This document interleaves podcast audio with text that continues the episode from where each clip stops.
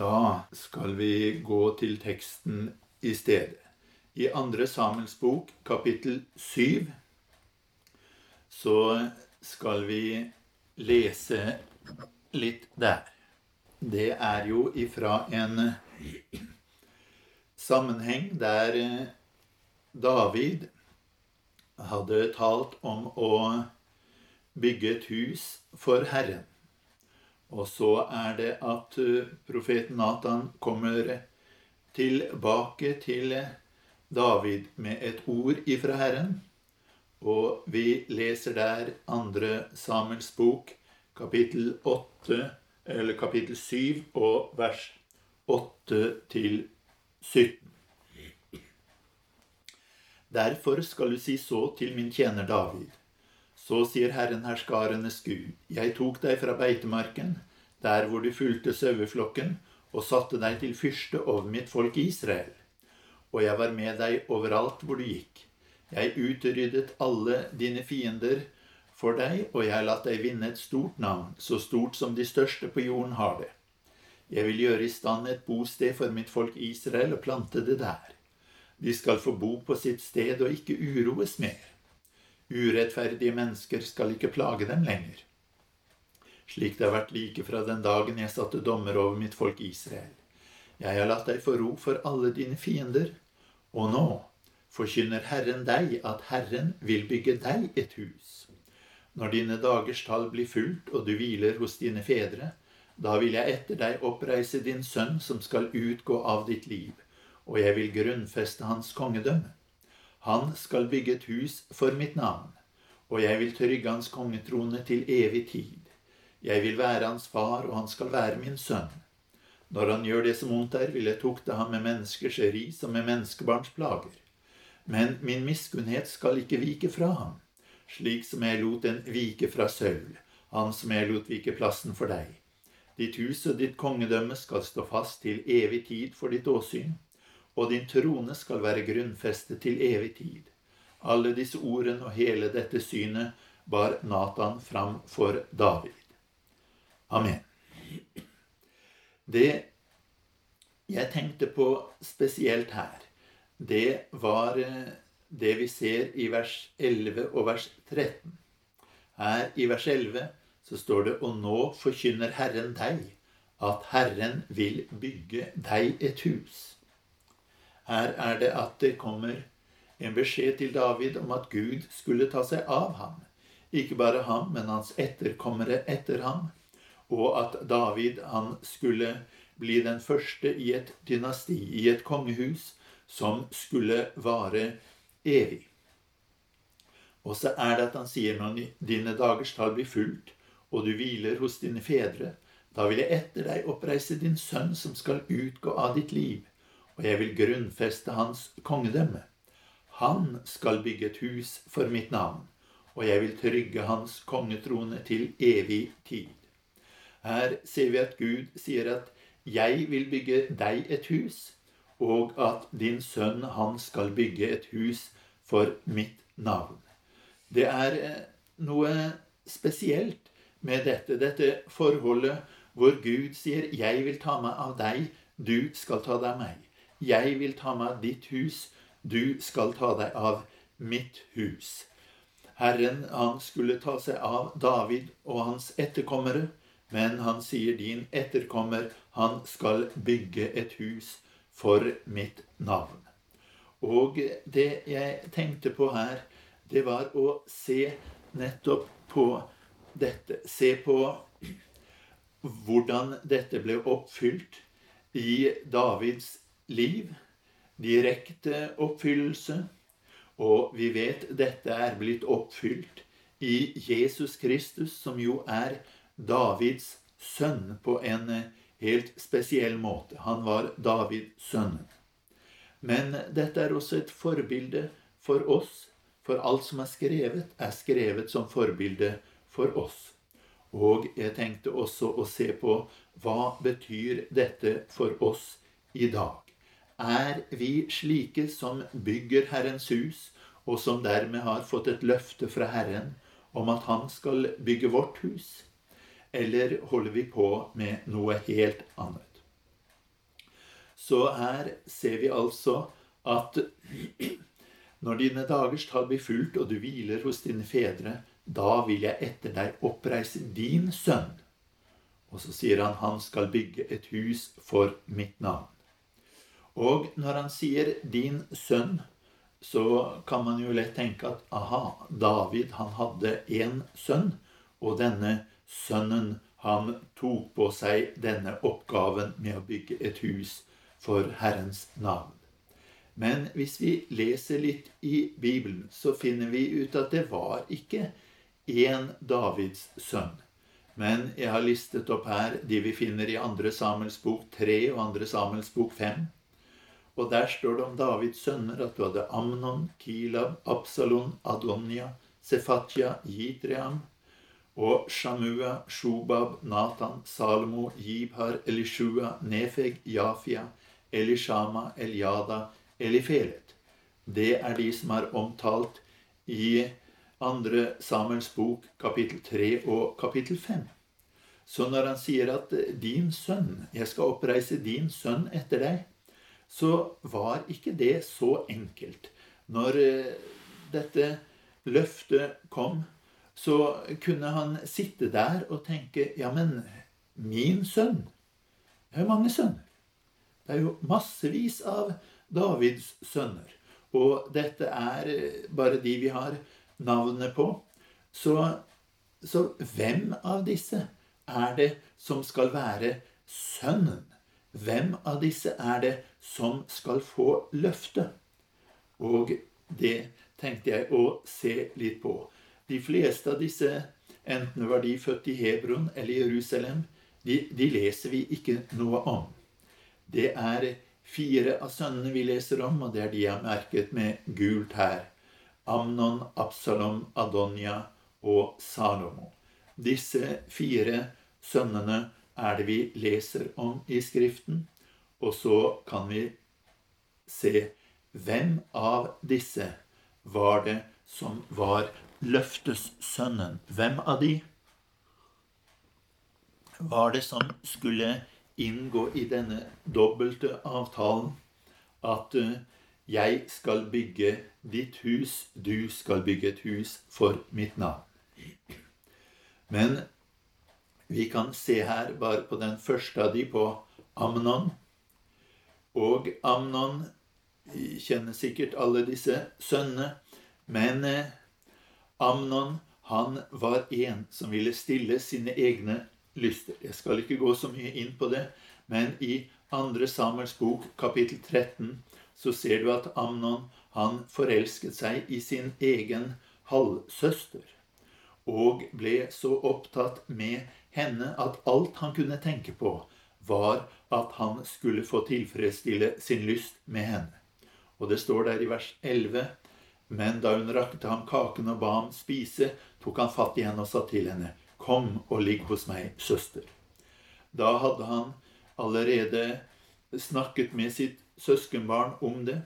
Og det var ikke et søskenbarn som gjaldt ham å stå imot fristelsene, men han kom med en beskrivelse og sa at lat som du er syk. Si at du ikke tar sjansen på å spise mat fra kokken eller hvem som helst, men at søstera di skal komme og lage det til for deg. Og dermed så fikk han lurt henne til å komme der han lå, og han grep tak i henne, som det sto her. Hun klarte ikke å stikke unna, og hun ble voldtatt av sin halvbror. Amnon han ble senere drept av Absalom. Men her ser vi at selv om Gud hadde lovet at din sønn etter deg vil bygge hans hus, så gjaldt ikke det alle Davids sønner. Det gjaldt ikke for Amnon, for Amnon var en som kun var opptatt med å stille sine egne lyster. Og Herren, han la ikke velsignelsen over ham. Den neste vi kan se på, er han som det vel står mest om, nemlig Absalom. Og hva står det om ham? Vi leser først i 2. Samuels bok 14, 25. Men så vakker en mann som Absalom fantes det ikke i hele Israel. Ingen fikk så mange lovord. Fra fotsåle til isse fantes det ikke lyte på ham.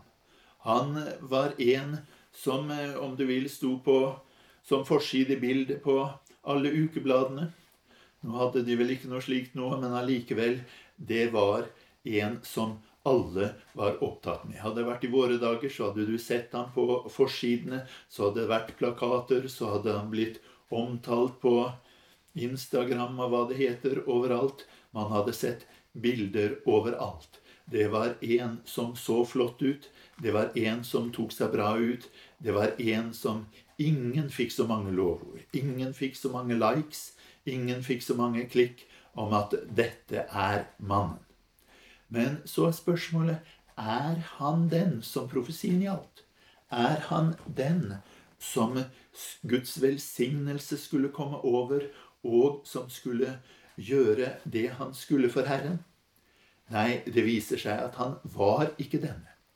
Og vi kan se på ham Du kan jo lese hele historien der i 2. Samuels bok 14 og 15 osv. Men han flyktet jo etter at han hadde drept Amnon sin bror, og så fikk han etter hvert lov til å komme tilbake. Og Joab hjalp han til det, men han fikk ikke lov til å komme frem for kongen. Så Absalom, han, eh, det står her, så sendte Absalom bud til Joab for å få ham til å gå til kongen. Men han ville ikke komme til ham. Han sendte bud en gang til, men han ville ikke komme da heller. Da sa han til tjenerne sine, Se her ved siden av meg har Joab et jordstykke hvor han har bygg. Gå og sett ild på det. Og Absaloms tjenere satte ild på kornåkeren.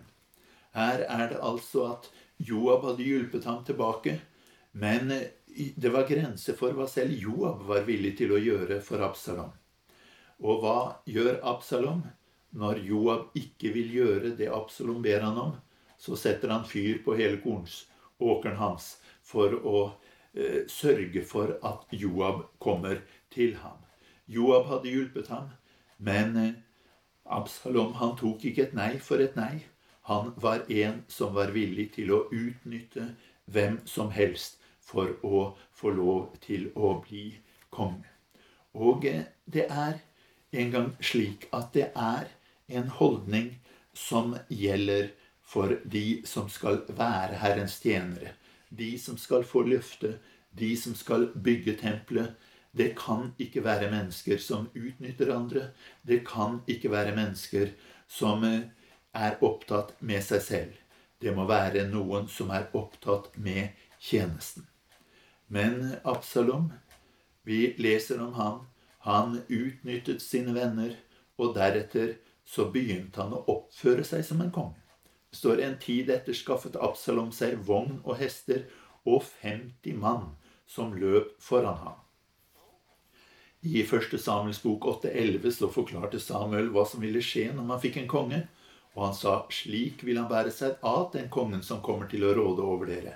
Sønnene deres vil han ta og sette dem til å stelle med vognene og hestene sine, og de skal løpe foran vognen hans. Det var slik det var på den tiden. De vognene de gikk jo ikke så fort. Og selv om vognen kanskje hadde kunnet gå fort, så var jo ikke de veiene akkurat noe du hadde lyst til å kjøre fort på. De hadde jo ikke så mye fjæring og støtdempere på den tiden. Så eh, det å kjøre fort, det kunne man ikke gjøre hvis man skulle ha det litt behagelig. Så det var sånn passelig fart. Og så hadde man folk som sprang foran dem. Vognen gikk ikke fortere enn at de kunne springe. Men når kongen kom, så hadde de folk som sprang foran dem. Og her er det at han har skaffet seg 50 mann som løper foran. Så der ser du en hel skokk med folk, en hel flokk med folk som kommer springende foran ham. Og det var folk som han hadde skaffet og fått til å gjøre jobben. Du vet, vi leser om Elia når han eh, var der oppe på fjellet og ba om regn, så står det at da sprang han foran kongen. Det var noe han gjorde frivillig for å være med og demonstrere at nå er Herren kommet tilbake. Og han var vel også bevist om at nå kommer kongen til å leve for Herren. så han sprang foran kongen. Men her ser vi at Absalom, som ennå ikke var konge, han begynte å oppføre seg som en konge. Men han ville ha æren ved å være en konge. At alle skulle se at her kommer Absalom. Han kjører den største limousinen. Han har den beste vognen. Han har folk som kommer foran ham. Og han var mer opptatt med at folk skulle merke at han kom, enn å faktisk gjøre noe for folket. Og det kan vi lese videre i 2. Samuels bok 15 fra vers 2. Så står det Absalom pleide å stå tidlig opp og stille seg ved siden av veien til porten. Når det så kom en mann som hadde en sak han ville føre fram for kongen og få dom i, kalte Absalom på ham og spurte, Hvilken by er du fra? Når han så svarte, Din tjener er fra den og den av Israels stammer. Da sa Absalom til ham, Saken din er god og rett, men hos kongen er det ingen som hører på deg. Så sa Absalom, bare de ville sette meg til dommer i landet. Da skulle hver mann som hadde en trett eller sak, komme til meg, og jeg skulle hjelpe ham til sin rett. Når noen gikk fram og ville bøye seg for ham, rakte han ut sin hånd og tok fatt i ham og kysset ham. Slik gjorde Absalom med hele Israel når de kom til kongen for å få dom. Og Absalom stjal Israels manns menns hjerte. Her ser vi at Absalom, han er i virksomhet. Han var ikke konge, men han opptrådte som om han var konge. Ikke bare hadde han vognen som kongen kongen hadde, men han tok og plasserte seg der folk kom for å snakke med kongen. Og de som ville gå til kongen, de måtte jo gå gjennom porten, og der står Absalom. Og alle og enhver som kommer og ville føre saken fram for kongen, så tar Absalom og snakker med ham. Han står og hilser på dem. Han eh, det står når noen gikk frem og ville bøye seg for ham, rakte han ut sin hånd og tok fatt i ham og kysset ham. Han eh, gjør seg til godvenner med alle som kommer. Han gir inntrykk av at han virkelig bryr seg om det. Men hvis du legger merke til hva er det han gjør? Jo, han spør dem om saken, og så sier han med en gang 'Saken din er god og rett'. Ja, åssen i all verden visste Absalom at saken var god og rett? Her er det en som kommer, og alt Absalom spør ham om, er 'Hvilken by er du fra?' Og så sier Absalom, 'Saken din er god og rett.' Men hos kongen er det ingen som hører på deg. Med andre ord, det han sier, er at problemet ditt ligger hos kongen. Det er noe feil hos kongen. Kongen hjelper deg ikke. Kongen bryr seg ikke om deg. Kongen hører ikke på deg. Men hvordan visste han at han hadde rett? Det kunne han jo ikke vite, for han hadde ennå ikke hørt på saken. Men i stedet så tar han og overbeviser dem om at 'jeg bryr meg om deg'.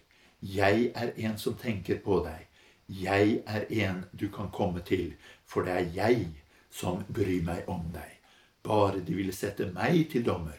Da skulle hver mann som hadde en tilrettelse, sak, komme til meg, og jeg skulle hjelpe ham til sin rett.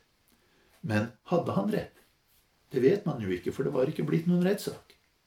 Dersom Absalom hadde virkelig vært interessert i å gjøre en konges jobb, så måtte han jo tatt med seg mannen inn til kongen og si at Heller sagt som så at La meg hjelpe deg med å komme frem til kongen.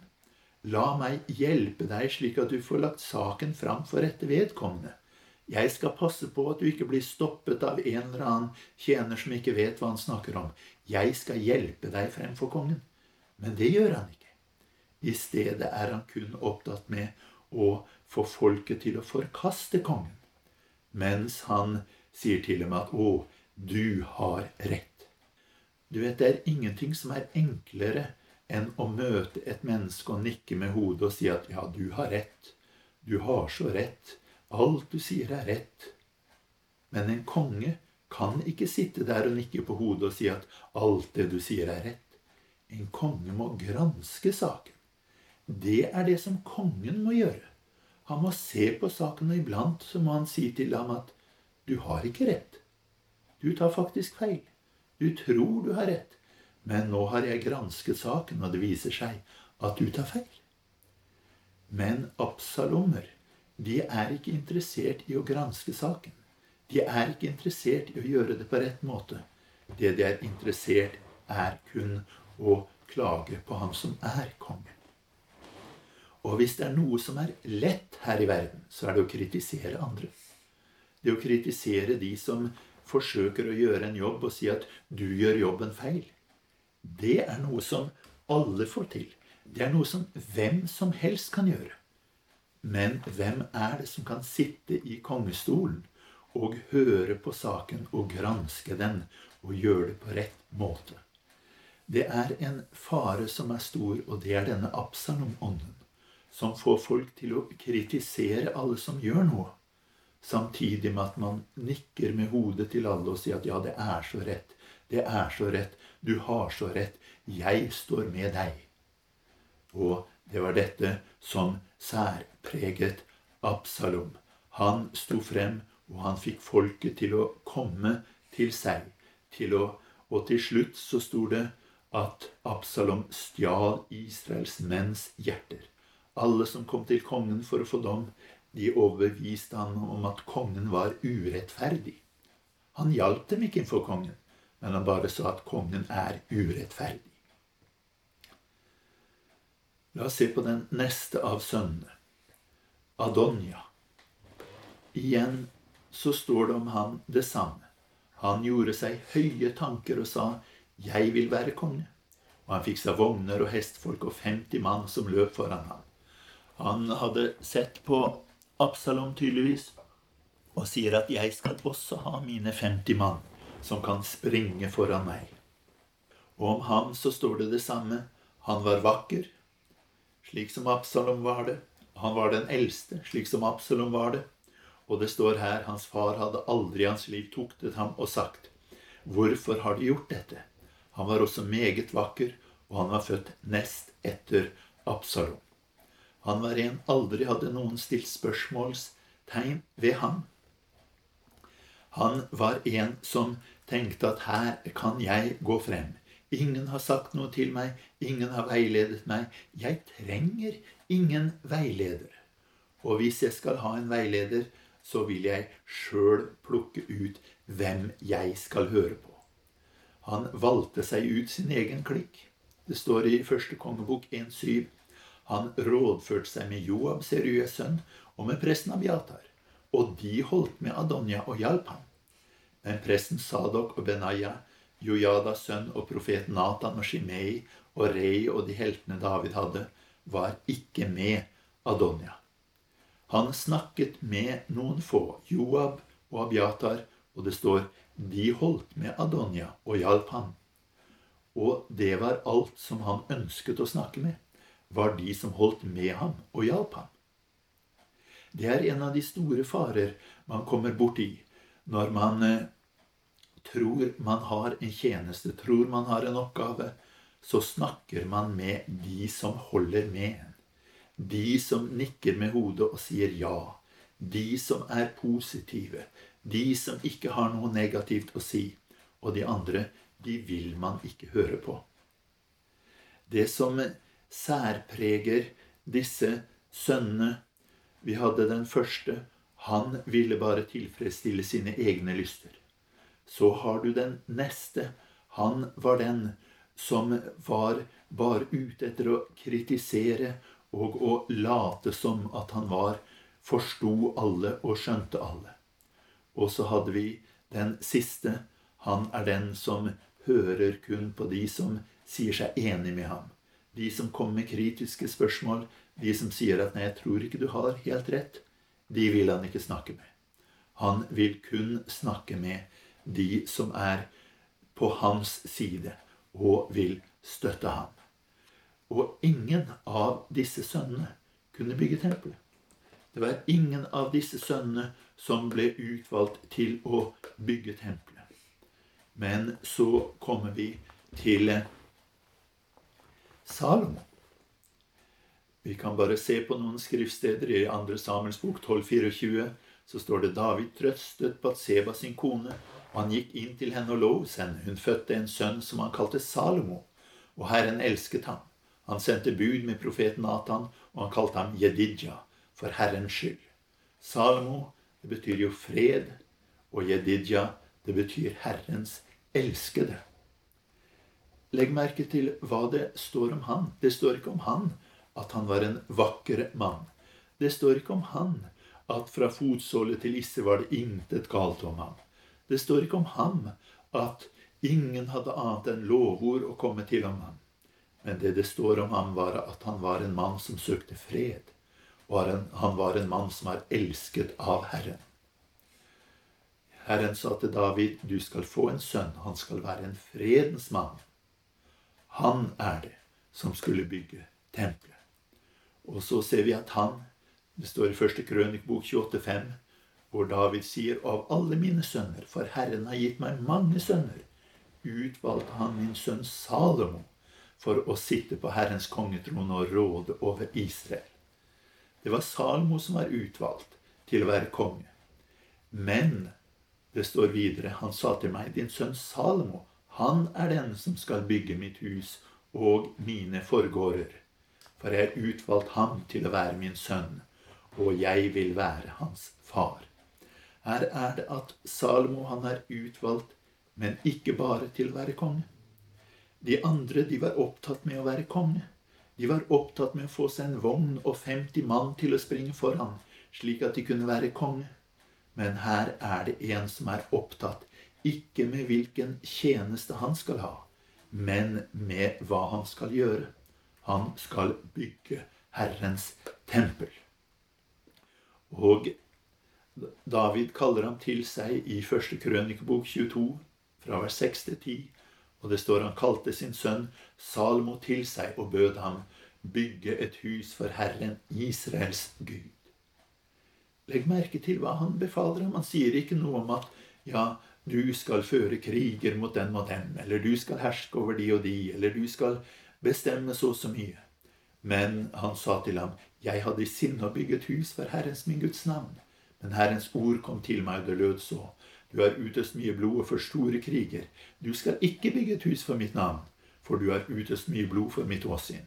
Men du skal få en sønn. Han skal være en fredens mann, og jeg vil ha ham få fred for alle sine fiender rundt omkring. Salomo skal være hans navn, og jeg vil la Israel ha fred og ro i hans dager. Han skal bygge et hus for mitt navn. Han skal være min sønn, og jeg skal være hans far. Jeg skal trygge hans kongetrone over Israel for i all tid. Og her står det om han David sier bare Herren vil gi deg visdom og forstand når han setter deg over Israel. Da skal du lykke med deg. Og vi ser at uh, når uh, Herren åpenbarte seg i Gibeon for Salomo, så står det han åpenbart seg for Salomo i en drøm om natten. Gud sa, be om det du vil jeg skal gi deg.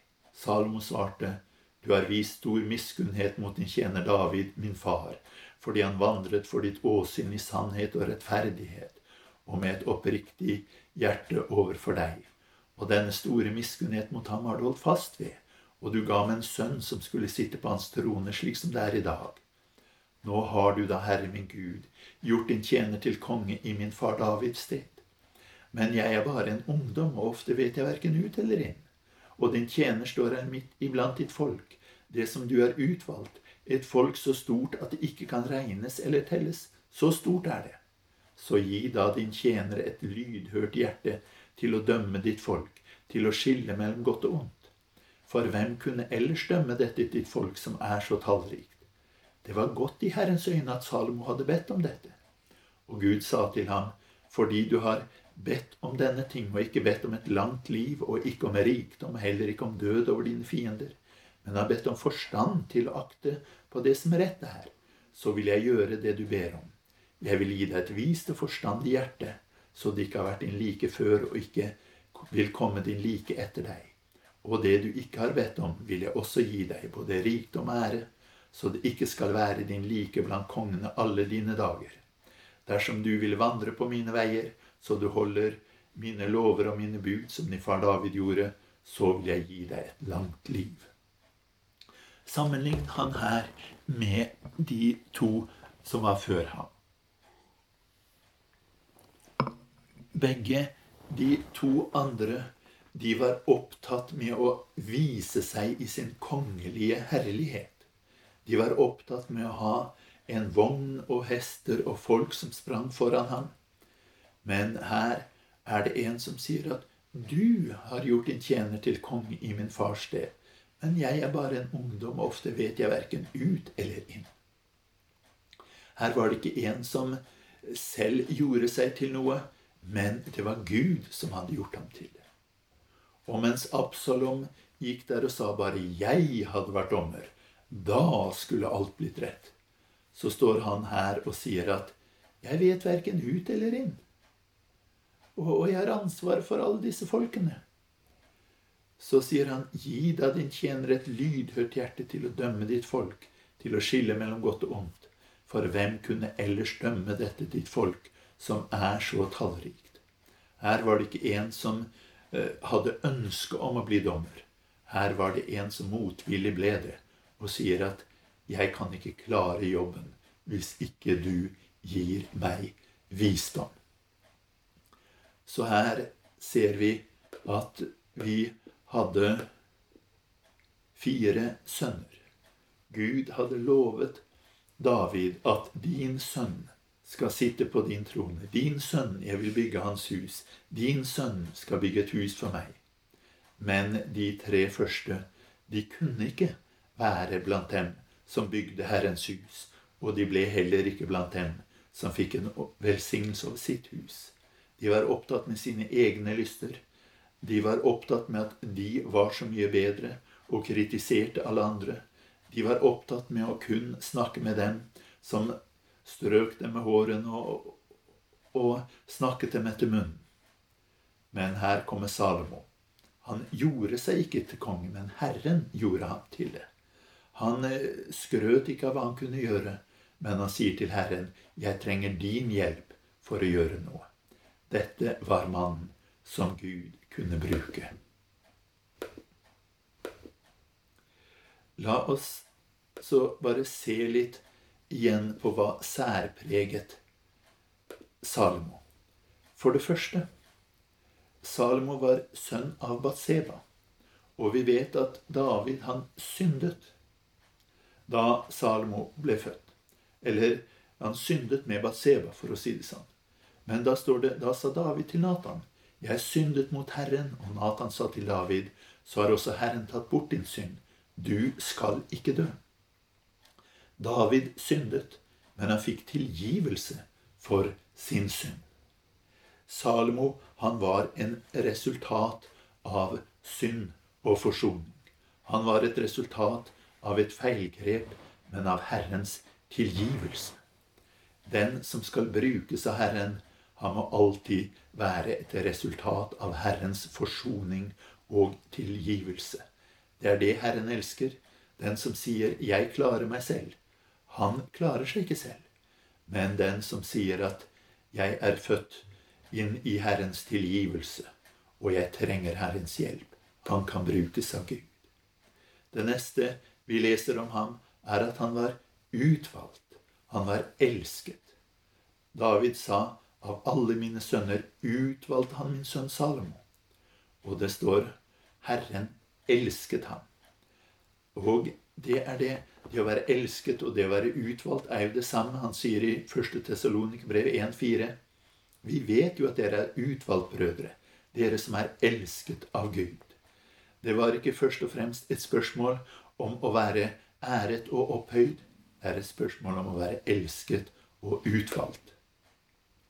Det tredje vi kan se om ham, det er at han sier her Din tjener står her midt iblant ditt folk det som du har utvalgt. Et folk som er så stort at det ikke kan regnes eller telles. Det er de andre så på kongedømmet som sin rett og tenkte 'Dette er mitt folk', så innså Salomo det er ikke mitt folk. Det er Guds folk. Jeg er ikke hersker over det. Det er ikke jeg som skal herske over dem. Jeg skal være en tjener for dem. Din tjener står her midt iblant ditt folk. De andre var jeg er kongen, og jeg står iblant folket som skal tjene meg. Men Salomo var jeg er en tjener, og jeg står iblant det folk du har utvalgt. Slik må vi alltid være, at vi ser på folket som Guds folk, og oss som tjenere. Det neste vi ser, er at han var opptatt med folkets behov. Han sier, 'Jeg er bare en ungdom. Jeg vet verken ut eller inn.' Men hvordan skal jeg kunne dømme dette ditt folk, som var så tallrikt? Salomo han var opptatt med folkets behov, ikke sin egen ære. Og Derfor sier Gud til dem, fordi du har bedt om denne ting, og ikke bedt om et langt liv, og ikke om rikdom, og heller ikke om død over dine fiender, men har bedt om forstand til å akte på det som rett er. Han hadde ikke bedt om det som hadde med hans ære å gjøre, men det som hadde med folkets behov å gjøre. Og det siste han var en mann som hadde til oppgave å bygge Herrens tempel. Og det var det som skjedde. Han skulle trygge hans kongetrone for evig tid, for han skulle være den som skulle bygge Herrens hus og hans forgårder. Det gjelder å være en som har omsorg for hele menigheten. Og det er det som jeg hadde litt lyst til å si. Salomon ble konge fordi han ikke var opptatt med at han skulle herske over folket. Men han var opptatt med at han skulle være en tjener og skulle bygge Herrens hus. Kristus han elsket menigheten og ga seg selv for den.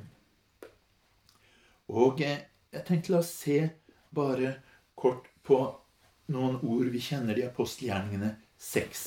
Vi kjenner jo disse ordene så godt. Den første gangen hvor menighetstjenere blir valgt. Og der står det apostelgjerningene 6 fra vers 1.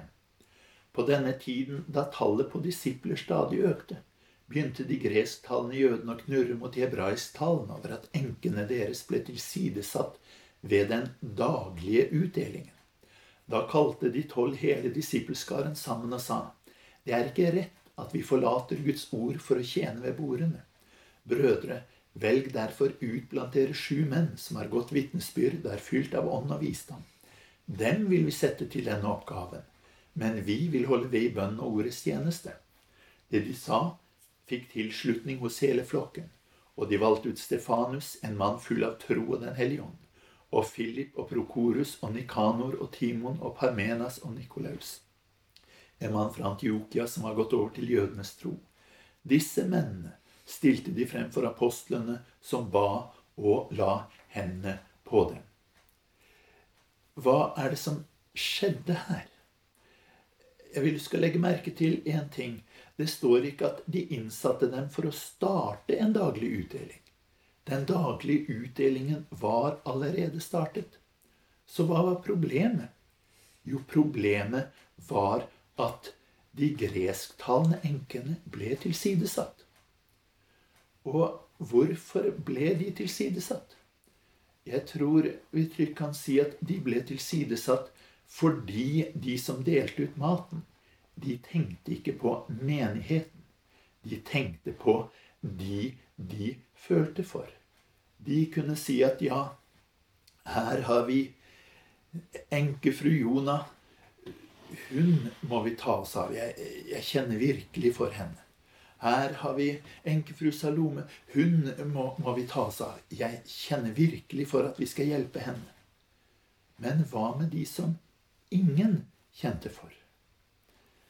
Jeg husker en gang for mange år siden så snakket vi sammen en del, og så var det en som sa som så at ja, i ettermøtene så, så går jeg rundt og jeg ber fordi jeg føler for at jeg skal be for.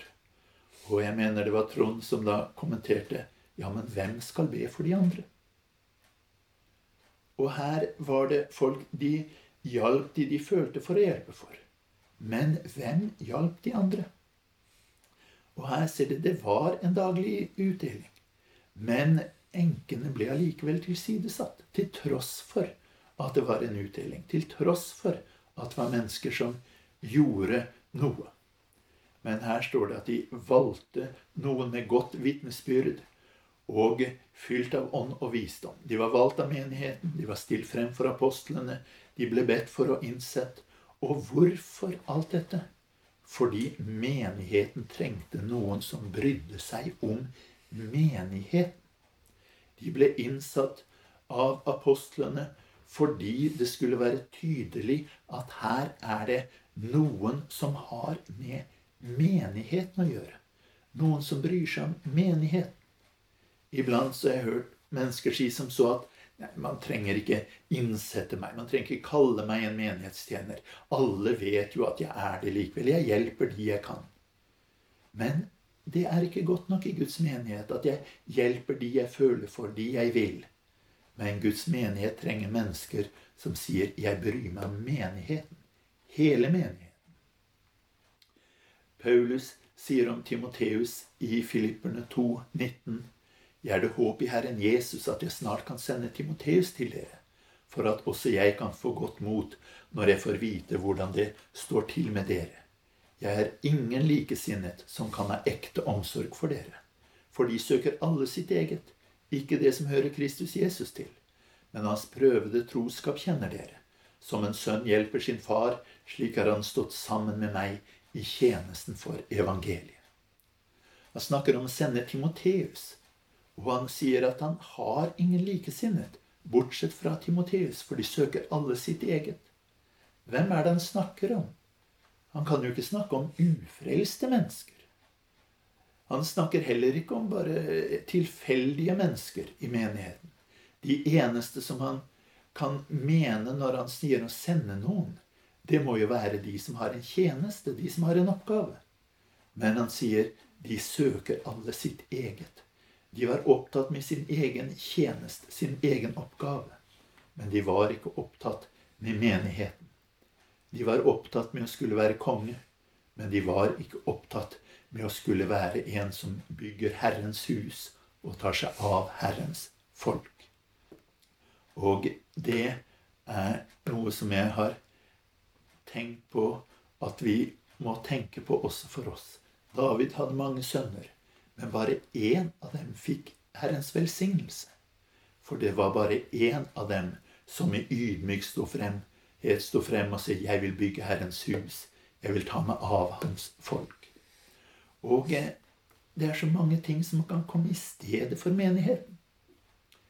Vekkelse kan være i stedet for menigheten. Mange er opptatt med vekkelsesmøter og de går fra det ene sted til de andre, og de vil se på TV-programmer eller hva som helst hvor det skjer noe.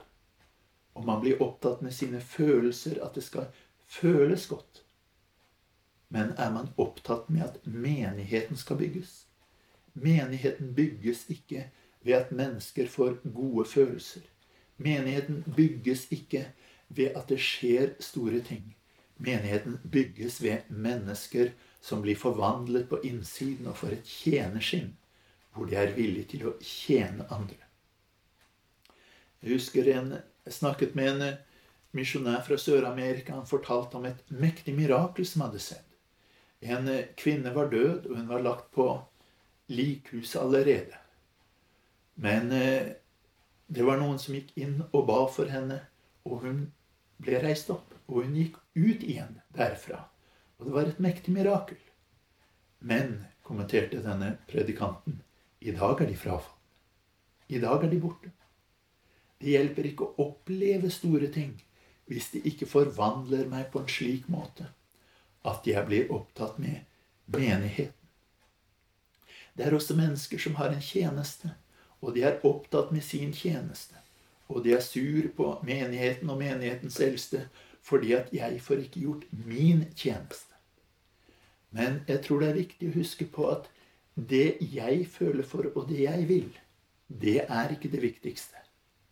Man kan sammenligne det med å ha en arbeid og en karriere. Det er en viktig ting. Men karrieren er viktig kun dersom den bygger opp familien. Dersom karrieren går på bekostning av familien, så blir det feil. Jeg må ha en karriere, jeg må ha en jobb for å kunne tjene penger og ta meg av min familie.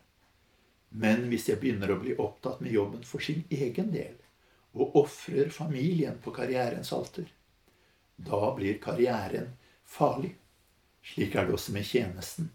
Den er viktig dersom den bygger menigheten. Men tjenesten er farlig dersom den kommer i stedet for menigheten. Jeg har truffet på mange mennesker som har vært så opptatt med sin tjeneste, hva de skal gjøre.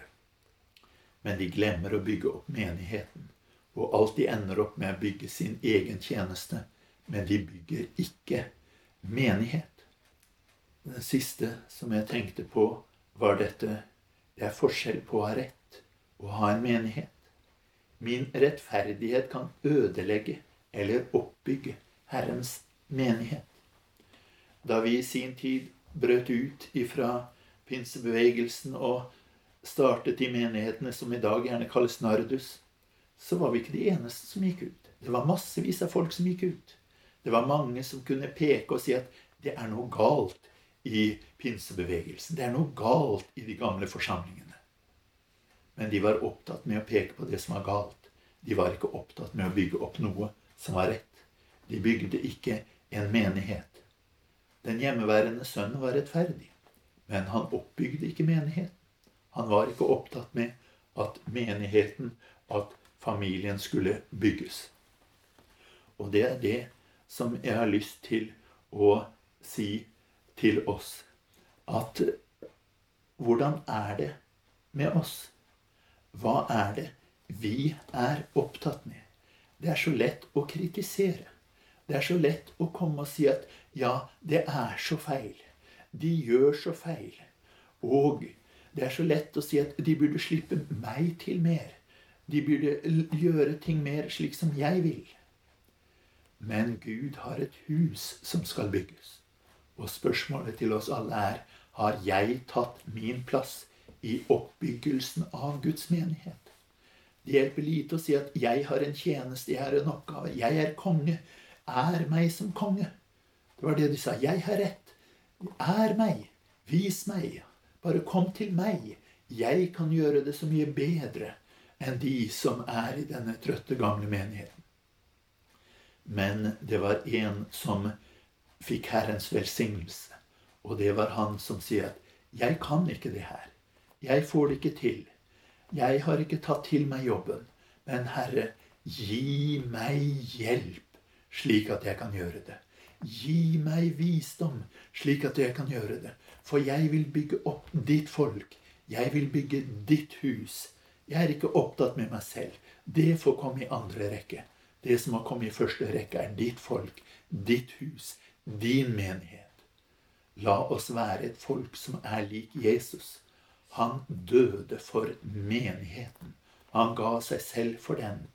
Han døde ikke bare for å frelse enkeltmennesker, men for å bygge opp en menighet.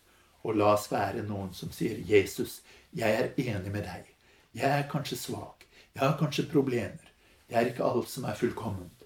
Men én ting ønsker jeg hele mitt hjerte. At din menighet skal bygges opp. Så får det heller jeg komme i andre rekke. Amen.